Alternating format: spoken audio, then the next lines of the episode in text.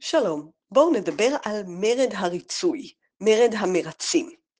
הנטייה האנושית הטבעית היא לשתף פעולה, גם להוביל וגם לתת לאחרים להוביל אותנו.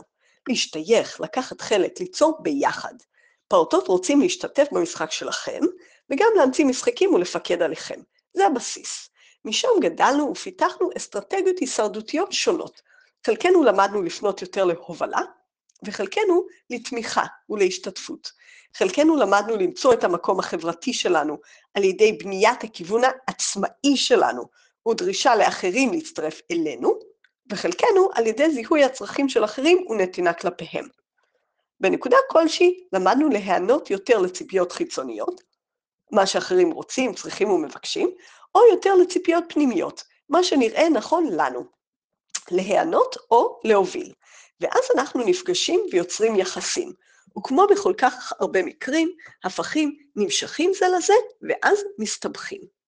הפער לא חייב להיות עצום. זה לא בהכרח שאחד תמיד נענה לכולם ושם את עצמו אחרון, והשני סופר אגואיסט. יכול להיות ששניהם אפילו מאוזנים יחסית, יודעים להוביל וגם להיענות. אבל יש ביניהם פער קטן.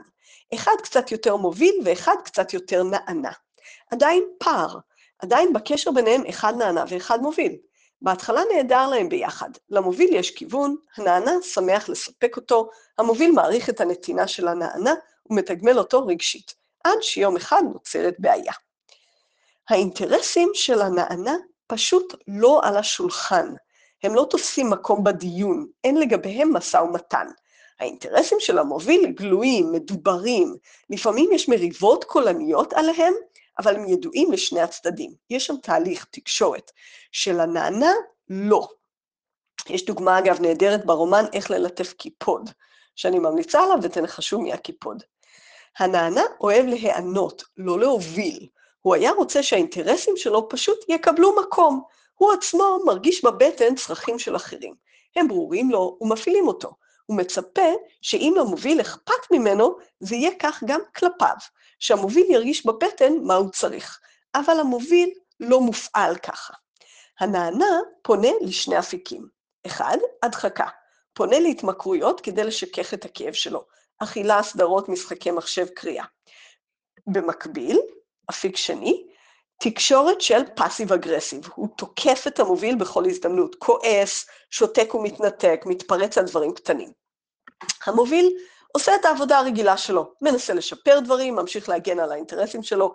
יכול להיות שהוא מבין משהו ממה שהנענה מנסה לומר, אבל לא את הרוב. בניגוד למיתוס מוזר שנוצר בתרבות שלנו, גם אנשים אוהבים מאוד לא יכולים להבין אחד את השני ללא תקשורת ברורה. יכול להיות שהנענה מתקשר מדי פעם את הכאב שלו, אבל זה כבר תוקפני ונואש מדי, ועדיין לא ברור. הסכנה היא במה שגרצ'ן רובין קוראת לו מרד המרצים, Obliger Rebellion. יום אחד הנענה הופך שולחן, שברו את הכלים ולא משחקים, מתפטר, מתגרש, מנתק קשר. זה מרד לא קונסטרוקטיבי, ללא תקשורת אמיתית ובלי ליצור סיכוי לשינוי.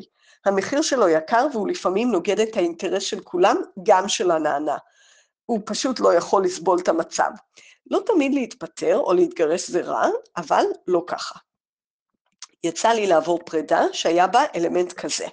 היה צורך של בן הזוג שלי שלא היה עד הסוף על השולחן. מדובר, אבל לא מספיק. אני חשבתי שאנחנו בטוב, עליו זה העיק, הוא הדחיק, עד שיום בהיר אחד אמר שזה נגמר. לקח לי זמן להבין שלא נערך שימוע כמו שצריך. לא ידעתי שזה deal breaker. אני לא מאשימה אותו, זו דינמיקה שנוצרת בקשר.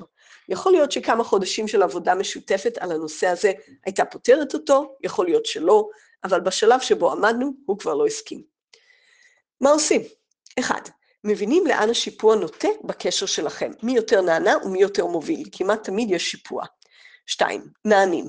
יש לכם הרבה עבודה, להתחיל להבין מה הצרכים שלהם, שלכם, שלא מדוברים בקשר, שלא על השולחן, להבין אותם לעצמכם, יכול להיות שאתם צריכים עזרה מקצועית בזה, ואז להתחיל לשים אותם על השולחן בסבלנות.